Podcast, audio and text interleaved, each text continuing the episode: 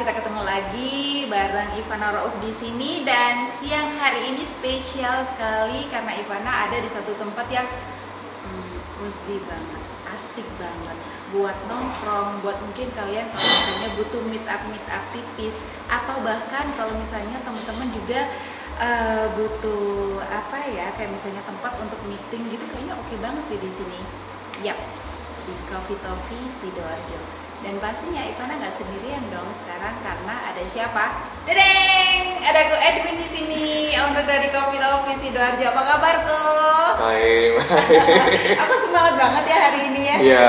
Semangat aku bisa nongkrong di sini dan bisa ngobrol sama Koko. Betul. Keren banget loh. Aku juga semangat. Siap. Sudah diundang. Sudah diundang. Oh, kita dong yang terima kasih banget kok udah Ya, dikasih sama-sama. dan uh, kesempatan yang oke banget nih ya teman-teman ya. Nah, di sini kita nanti akan ngobrol di segmen Passion Talk Podcast gitu. Apa sih yang paling menarik dari sebuah seni dalam berjuang? Berjuang apa beruang ya? Karena di dalam proses berjuang itu harapannya adalah beruang. That's right, setuju nggak? Setuju banget. Koko merasa nggak menjadi seorang pejuang atau pejuang yang beruang? Iya, dua-duanya dong harus. Oke, kok kalau Ivana boleh tahu nih terjun di dunia, wih terjun di dunia bisnis kuliner ini udah berapa lama sih kok? Sudah dua tahun. Sudah dua Ya, tahun. sejak 2017 pertengahan. Dibilang baru, masih cukup baru. Dibilang lama, lumayan lama ya kok ya. Nah, Iya. ah, sebenarnya pertamanya kok, pertamanya tuh apa sih yang bikin Ko Edwin ini tertarik banget dengan dunia bisnis kuliner? Karena kalau kita ngomongin bisnis nih ya, yang ujung-ujungnya adalah cuan ataupun duit atau uang itu kan banyak banget kok pilihannya. Kenapa kok milih kuliner? Eh, karena makanan itu sesuatu yang tidak akan lekang oleh waktu ya. Asik. Jadi semuanya itu pasti orang tuh butuh makan. Tuh. Apa berawal dari hobi makan? Oh iya betul, makanya gendut gini ya. berhasil berhasil aku memancingnya gitu ya. Biasanya kan gitu kok kalau Iya, betul. pekerjaan atau apa pun itu yang berawal dari passion itu akan eh, kita lebih enjoy untuk eh, melakukannya jadi Betul. berawal dari makan hai yang kamu kamu doyan makan makan jangan cuma doyan makan aja.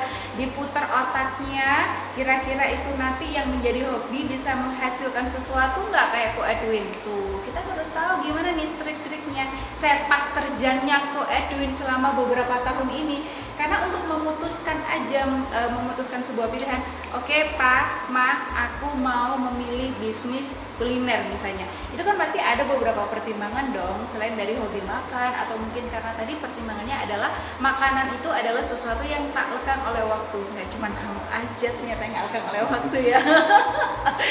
Itu apa kok selain itu pertimbangannya? Ada beberapa hal lain mungkin?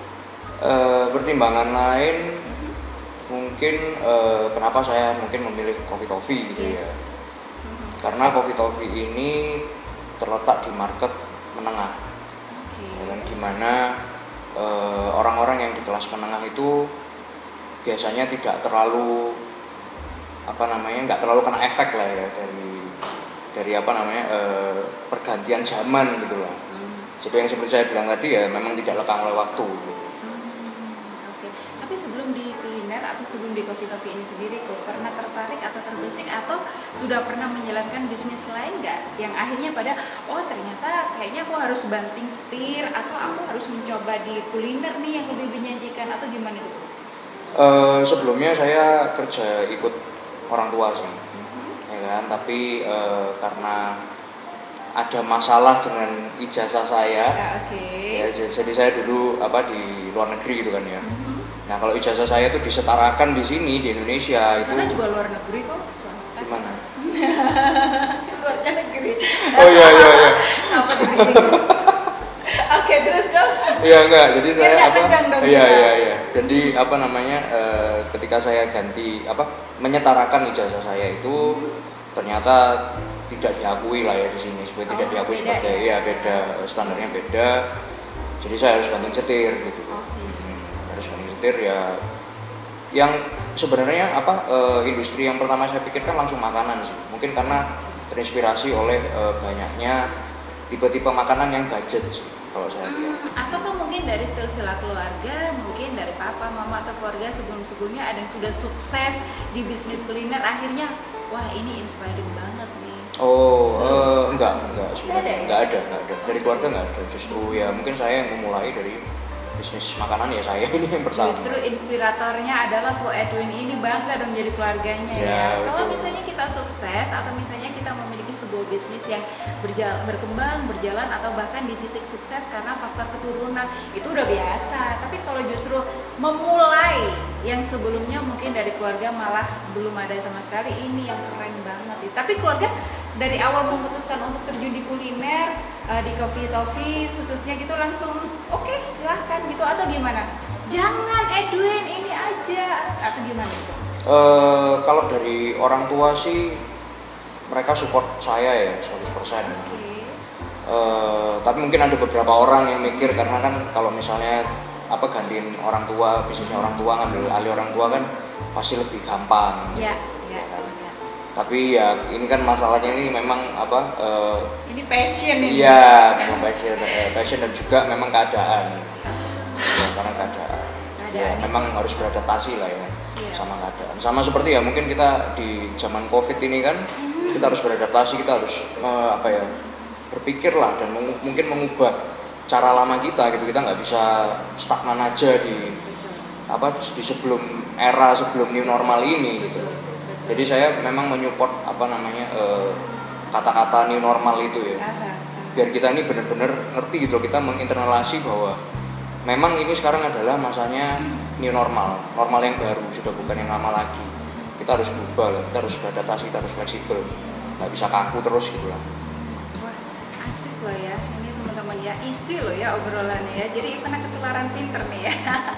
Oke, thank you ya Ko ya. Nah, Ko, kalau apa namanya sebelum kita ngomongin tentang covid deh, adaptasi memang perlu banget gitu ya. Betul. Sebelum-sebelumnya ini kan menjamur sekali banyak sekali yang namanya eh, apa namanya coffee shop coffee, coffee shop serupa atau istilahnya ya yang fokus ke kopi-kopian gitu kan banyak banget nih. Kenapa memilih di coffee coffee ini pada waktu itu? Selain segmennya menengah tadi ya. iya karena eh, kalau alasan utamanya memang karena segmen menengah ya Aku sebelumnya doyan ngopi di coffee coffee.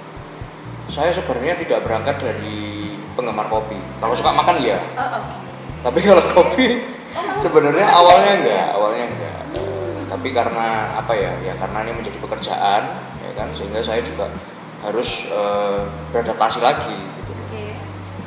tapi ya tim Coffee Toffee juga membantu saya. Maksudnya membantu saya untuk memahami lah ya. Karena kopi itu kan macam-macam. Misalnya kalau di sini tuh ada beberapa macam seperti Bali kopi dari Bali ya kan? Terus ada kopi dari eh, Toraja misalnya Single origin ya? Hah? Single origin ya berarti? iya single origin benar. Eh, nah jadi kayak diajarin lah aja di- single origin tuh apa aja gitu kan? Apa eh, rasanya bagaimana itu kan berbeda-beda.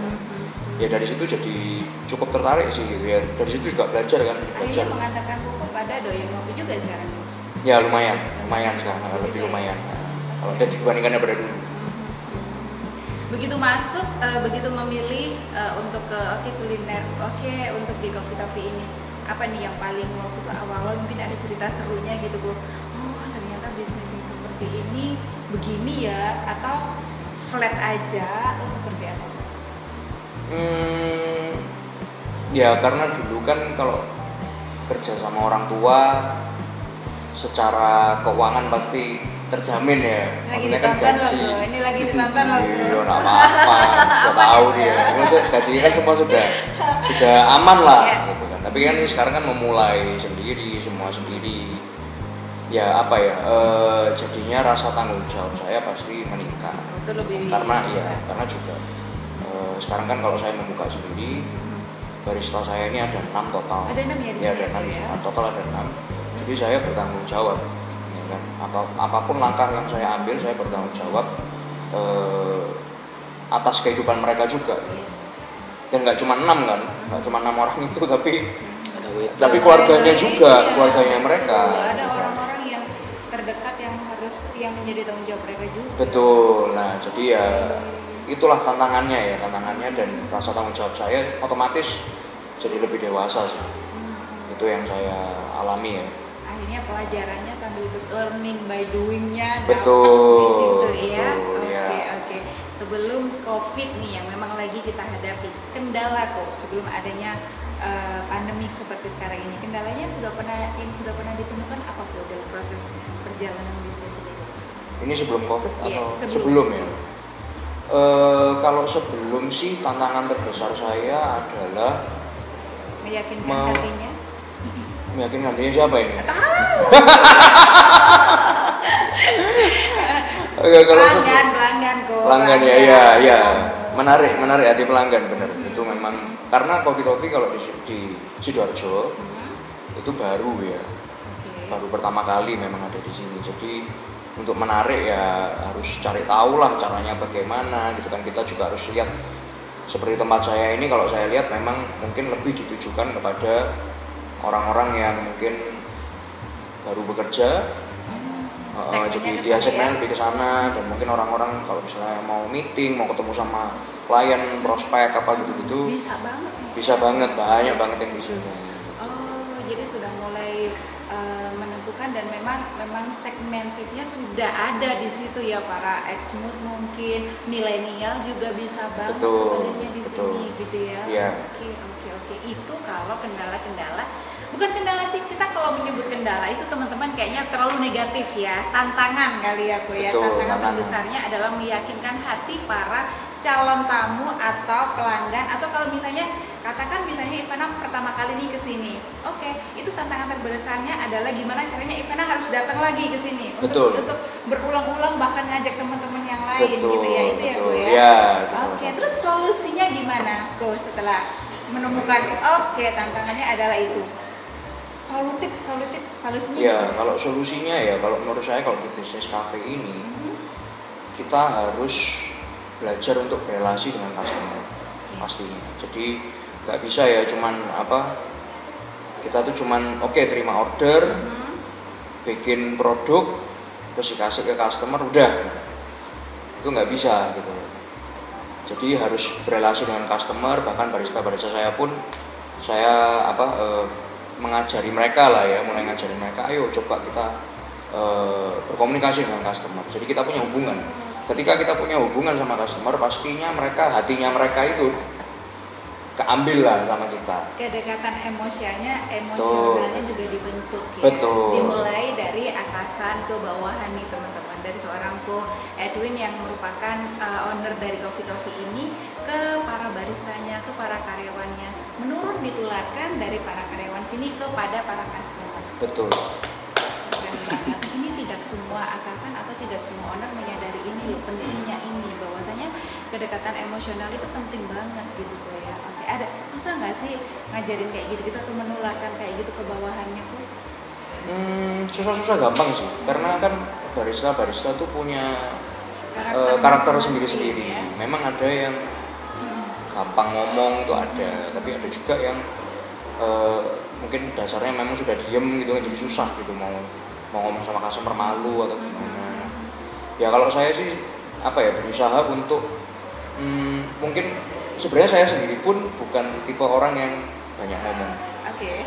ya kan? Sehingga saya juga menginspirasi mereka dengan memberi contoh Aku lo bisa. Aku ini lo pemalu kok. Edwin ini sebenarnya kategorinya pemalu lo kalau menurut Ivana ya nggak sih? Iya, betul. Ah, jadi harus dipancing-pancing dulu Betul, gitu. betul. Kayak teman-teman juga kalau misalnya sekarang ini ada pertanyaan dan kepengen juga di eh, kepengen nih dijawab sama Ko Edwin, boleh langsung aja kirim aja pertanyaan kamu apa gitu ya. Harus dipancing-pancing dulu memang. betul betul minimal minimal adalah pelayanan yang baik dimulai dari senyum aja ke Betul. customer gitu Betul. ya selamat siang selamat pagi kak atau apa greetingnya itu sudah berjalan semua sih Iya. kalau yang Ivana perhatiin gitu Iya. ya oke kita berjalan bergeser ke covid atau pandemi di covid 19 ini yang memang kayaknya bukan hanya Ko Edwin aja yang mungkin nantinya akan curhat ya semua pengusaha mungkin gitu betul pertama-tama dimulai dari bulan Maret kayaknya ya Ko ya. Iya. Itu apa kabar Covid Office Sidoarjo Eh, kami sempat tutup sih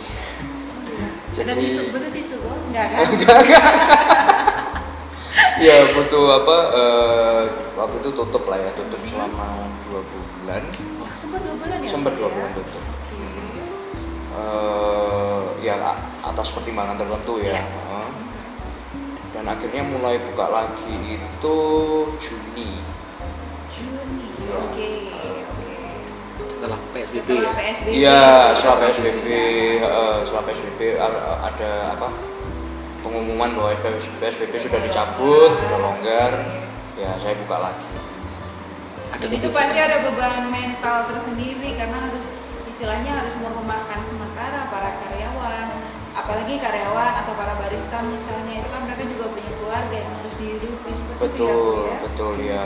Dan eh, kalau dari segi manajerial kan pasti ada hal-hal yang baru Ya, seperti memakai masker, Iya. terus pakai face shield. Itu semua juga ya saya pun harus itu ya apa? Menggerakkan itu. ya menggerakkan itu kepada teman-teman barista. itu masih berlaku loh teman-teman sampai sekarang masih protokol kesehatan itu masih sangat berlaku di Coffee Toffee Sidoarjo. Kalau kali ini kita sedang tidak memakai karena kita sudah ada jarak di antara kita gitu ya. Tapi kita siap dong. Bahkan eh, Ivana sempat apa namanya sempat tahu bahwasanya ada salah satu pelanggan gitu yang lupa aja bawa masker. Hey beli dulu. Itu saking ininya memang harus harus diberlakukan apa namanya protokol kesehatan itu ya. Ya? Betul, betul. dua bulan kok dua bulan tidak beroperasi memutuskan tidak beroperasi atau tidak buka sementara Betul. lantas selama dua bulan itu banting setir seperti apa atau apa nih yang dilakukan seorang ko Edwin di luar yang aktivitas yang biasanya harus ada di sini gitu misalnya eh ya itu tadi ya yang apa harus membiasakan diri lagi ya untuk apa teman-teman barista untuk memakai masker dan memakai face shield apa apa APD-nya dijalankan APD, ya. gitu kan heeh. ya tantangannya pasti teman-teman tidak terbiasa ya kan? Karena kalau bikin produk misalnya masak atau apa kan panas ya kan? Nah itu jadi saya harus selalu apa menyemangati mereka juga gitu kan?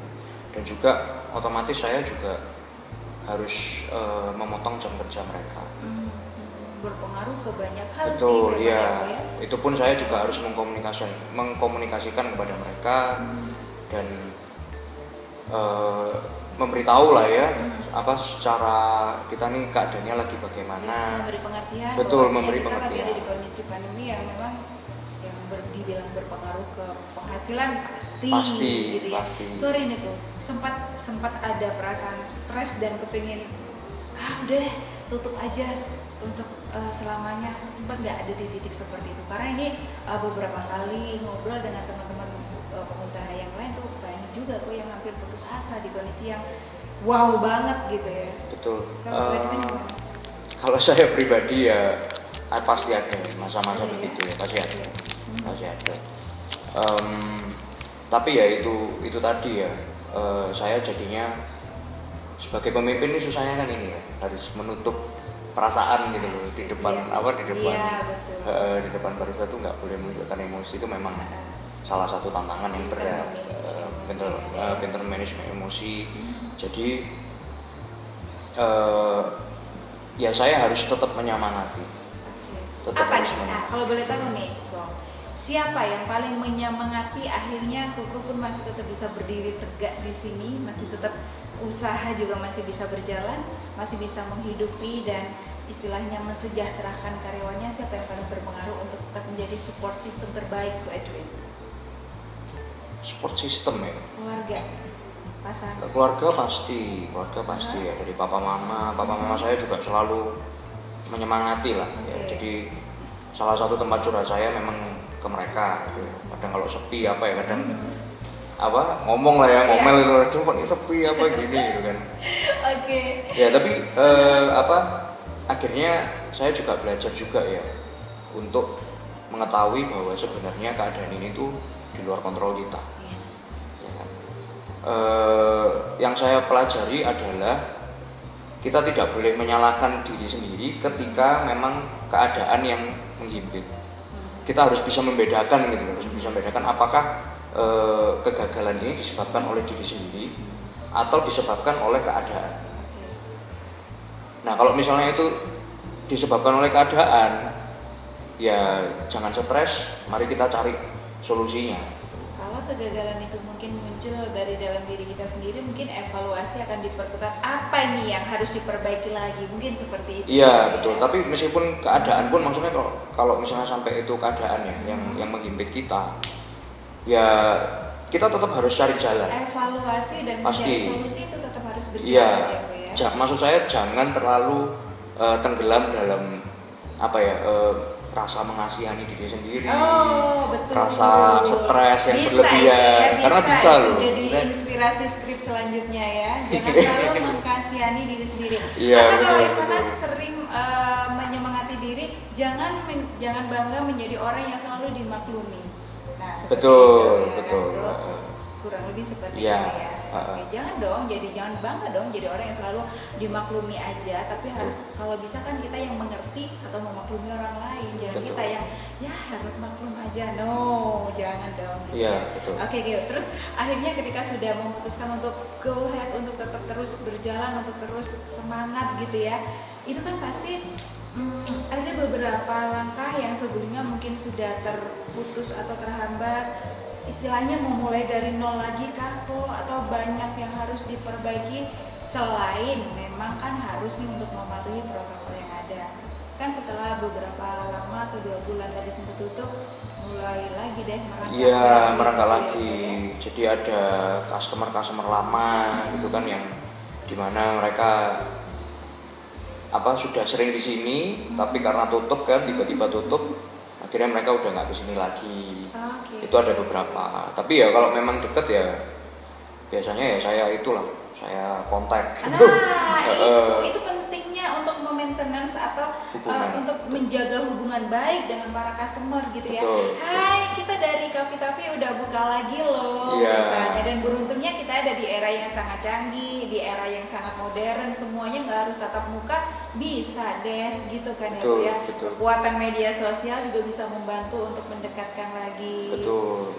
Oke, oke, oke. Nah, ngomong-ngomong soal menu nih kok di sini Mm-mm. apa nih yang paling spesial yang mungkin ini wajib nih dan harus mencoba apa kok yang mungkin paling rekomend Iya, kalau di sini yang sangat populer ya, ini best seller kita, minuman kita.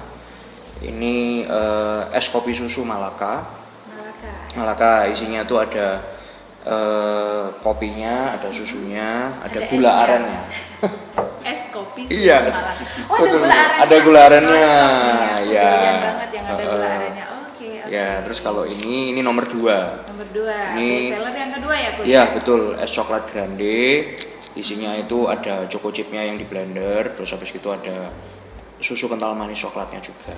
Oke oke itu kalau untuk minumannya kalau untuk cemilannya Nah, cemilannya ini ya. disuka sama customer apa Ini yang paling banyak di order juga eh, spring roll ya. spring roll Mm-mm, spring roll. Jadi isinya ada wortelnya, ada ayamnya. Oh, sehat. Mm, Mhm, iya. Siap. Jadi teman-teman kalau misalnya misalnya nih uh, kamu belum pernah sama sekali datang di Coffee Toffee bingung nih aduh mau pesen apa ya itu yang paling best seller tadi yang disamain sama aku Edwin adalah ada es kopi Malaka eh kopi Em, iya, Susu es Malaka. kopi susu es Malaka, kopi susu Malaka dan satunya lagi adalah es coklat grande. es coklat grande dan ada spring roll di sini. Oke banget. Tapi bukan ini aja sih sebenarnya menunya, tapi banyak banget. Cuman Betul. uh, kalian boleh coba deh yang mana. Cuman ini yang paling best seller. Lidah tiap orang kan beda nih kalau kita ngomongin selera gitu ya. Kalau Ivana sudah pernah nyoba untuk yang spring roll ini, eh, spring roll ini emang enak banget gitu ya. Ada pertanyaan kah? Boleh dibacakan? Enggak. ada yang sudah gabung? Terima kasih sudah gabung sama kita. Pengen Ji. nanya-nanya? belum ada, belum ada Boleh, pertanyaan. lagi menyimak dengan sangat baiknya gitu ya. Kok untuk operasionalnya sekarang di Coffee Toffee ini mungkin teman-teman juga penasaran banget bisa datangnya kapan aja sih gitu. Jam Oh, operasional. eh, Jam jam operasionalnya. operasionalnya dari jam 12 siang Oke. sampai jam 9 malam. Hmm. Ini jam operasional protokol kita. pemerintah juga ya. Betul. Oh. Jam 9 harus clear. Iya. Betul, sesuai dengan protokol yang disarankan Betul, sekarang ini betul. gitu ya. Jam 12 siang sampai jam 9 malam udah Betul, selesai, iya. udah, tutup ya. Oke, udah tahu kan kalau harinya semuanya ini Semuanya ya. Hari Senin sampai Minggu jamnya sama semua. Itu jam operasional kita. Kalau normalnya kok, kalau di luar pandemi itu jam operasionalnya biasanya jam berapa kok? Kalau dulu sebelum pandemi jam 11 siang sampai jam 12 tengah malam.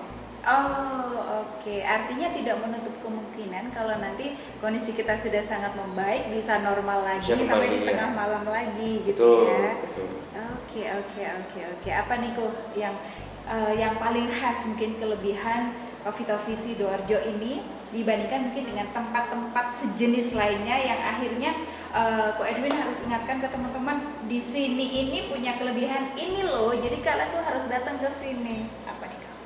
Eh, kalau yang saya jual adalah tempat saya ya karena begitu nyaman Yes, sepakat.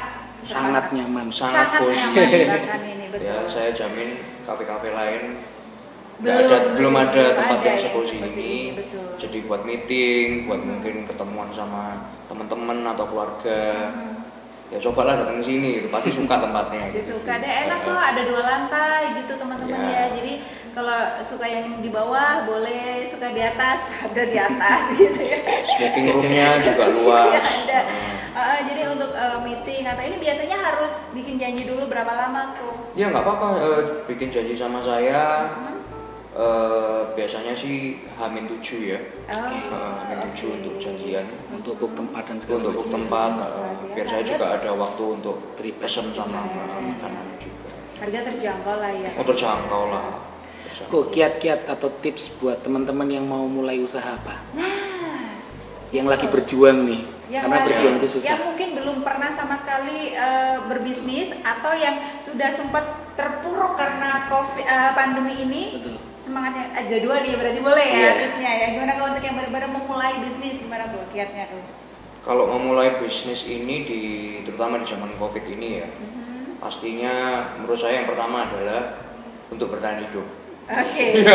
ya untuk bertahan hidup karena apa covid atau tidak covid kita harus punya semangat ya semangat Yes. yang kuat untuk hidup dan mungkin juga apa inspirasinya bisa dari keluarga Iya. ya kan keluarga harus kita kasih makan itu pasti salah satunya dari situ Eh, kalau tips saya untuk apa eh, menghadapi covid ini ya harus semangat dalam hidup harus semangat dan eh, mungkin harus apa eh, melihat kesehatan mental ya kesehatan mental ini sangat penting nih Itu zaman penting nih kok. Yang penting sehat mental dulu gitu ya. Iya. Terus baru bisa semangat gitu betul ya. betul karena ya sekarang ini kan apa dengan masa-masa pandemi gini banyak lah ya kita baca-baca di Mhm. eh, di berita-berita ya ada yang bunuh diri lah Iya, betul. apa ini Betul, banyak sekali betul. itu kan sebenarnya masalahnya ya Mental. masalah mental Mental, betul. Ketidaksiapan mental. ketidaksiapan mental Ketidaksiapan mental untuk menerima goyangan-goyangan. Gila, goyangan-goyangan, Bahasanya- goyangan-goyangan. Iya, goyangan emosional, goyangan keadaan, Betul, goyangan perekonomian. Biar biar nggak goyang, dengerin podcastnya Seminar di rumah. betul. Di Spotify, di Google Podcast, di Apple Podcast. Bisa, bisa. Promo lo ya. promo dan kita juga banyak di situ ada pesan-pesan kita yang harapannya adalah kita mau kuat bersama deh. Betul. gitu ya kok ya. Betul.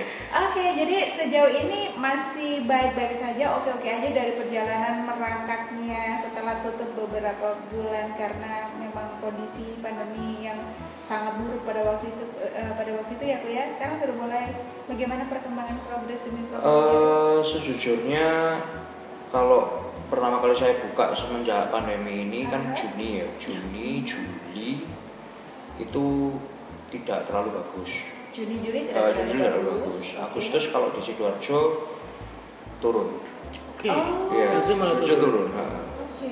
kalau Surabaya kayaknya naik setahu saya Hmm, di September ini agak mending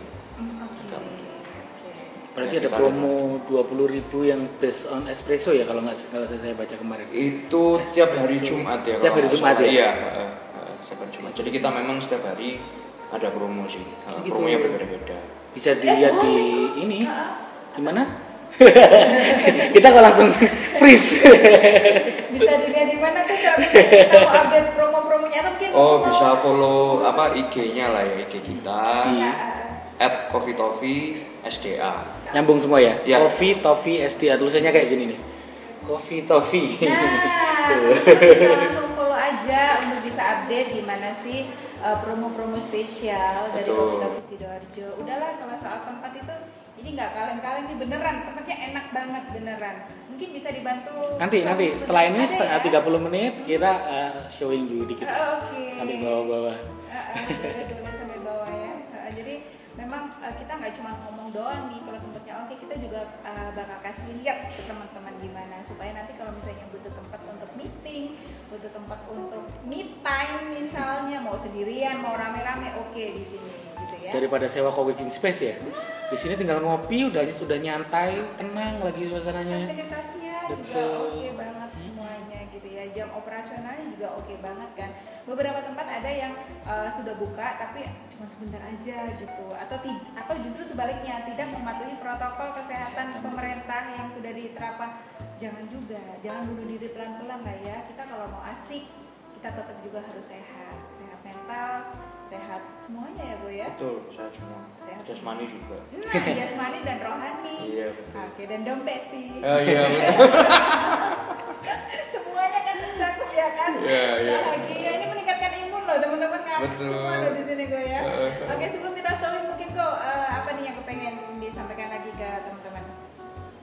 Ya untuk teman-teman semuanya ya teman-teman seminar di rumah. Ya saya mengucapkan terima kasih sudah menyaksikan eh, apa podcast ini. Ya kan saya ya saya mendoakan teman-teman lah ya supaya teman-teman semuanya bersemangat di masa-masa pandemi ini. Kita tidak boleh menyerah dan selalu cari cara untuk kita bisa melalui pandemi ini dengan baik. Udah.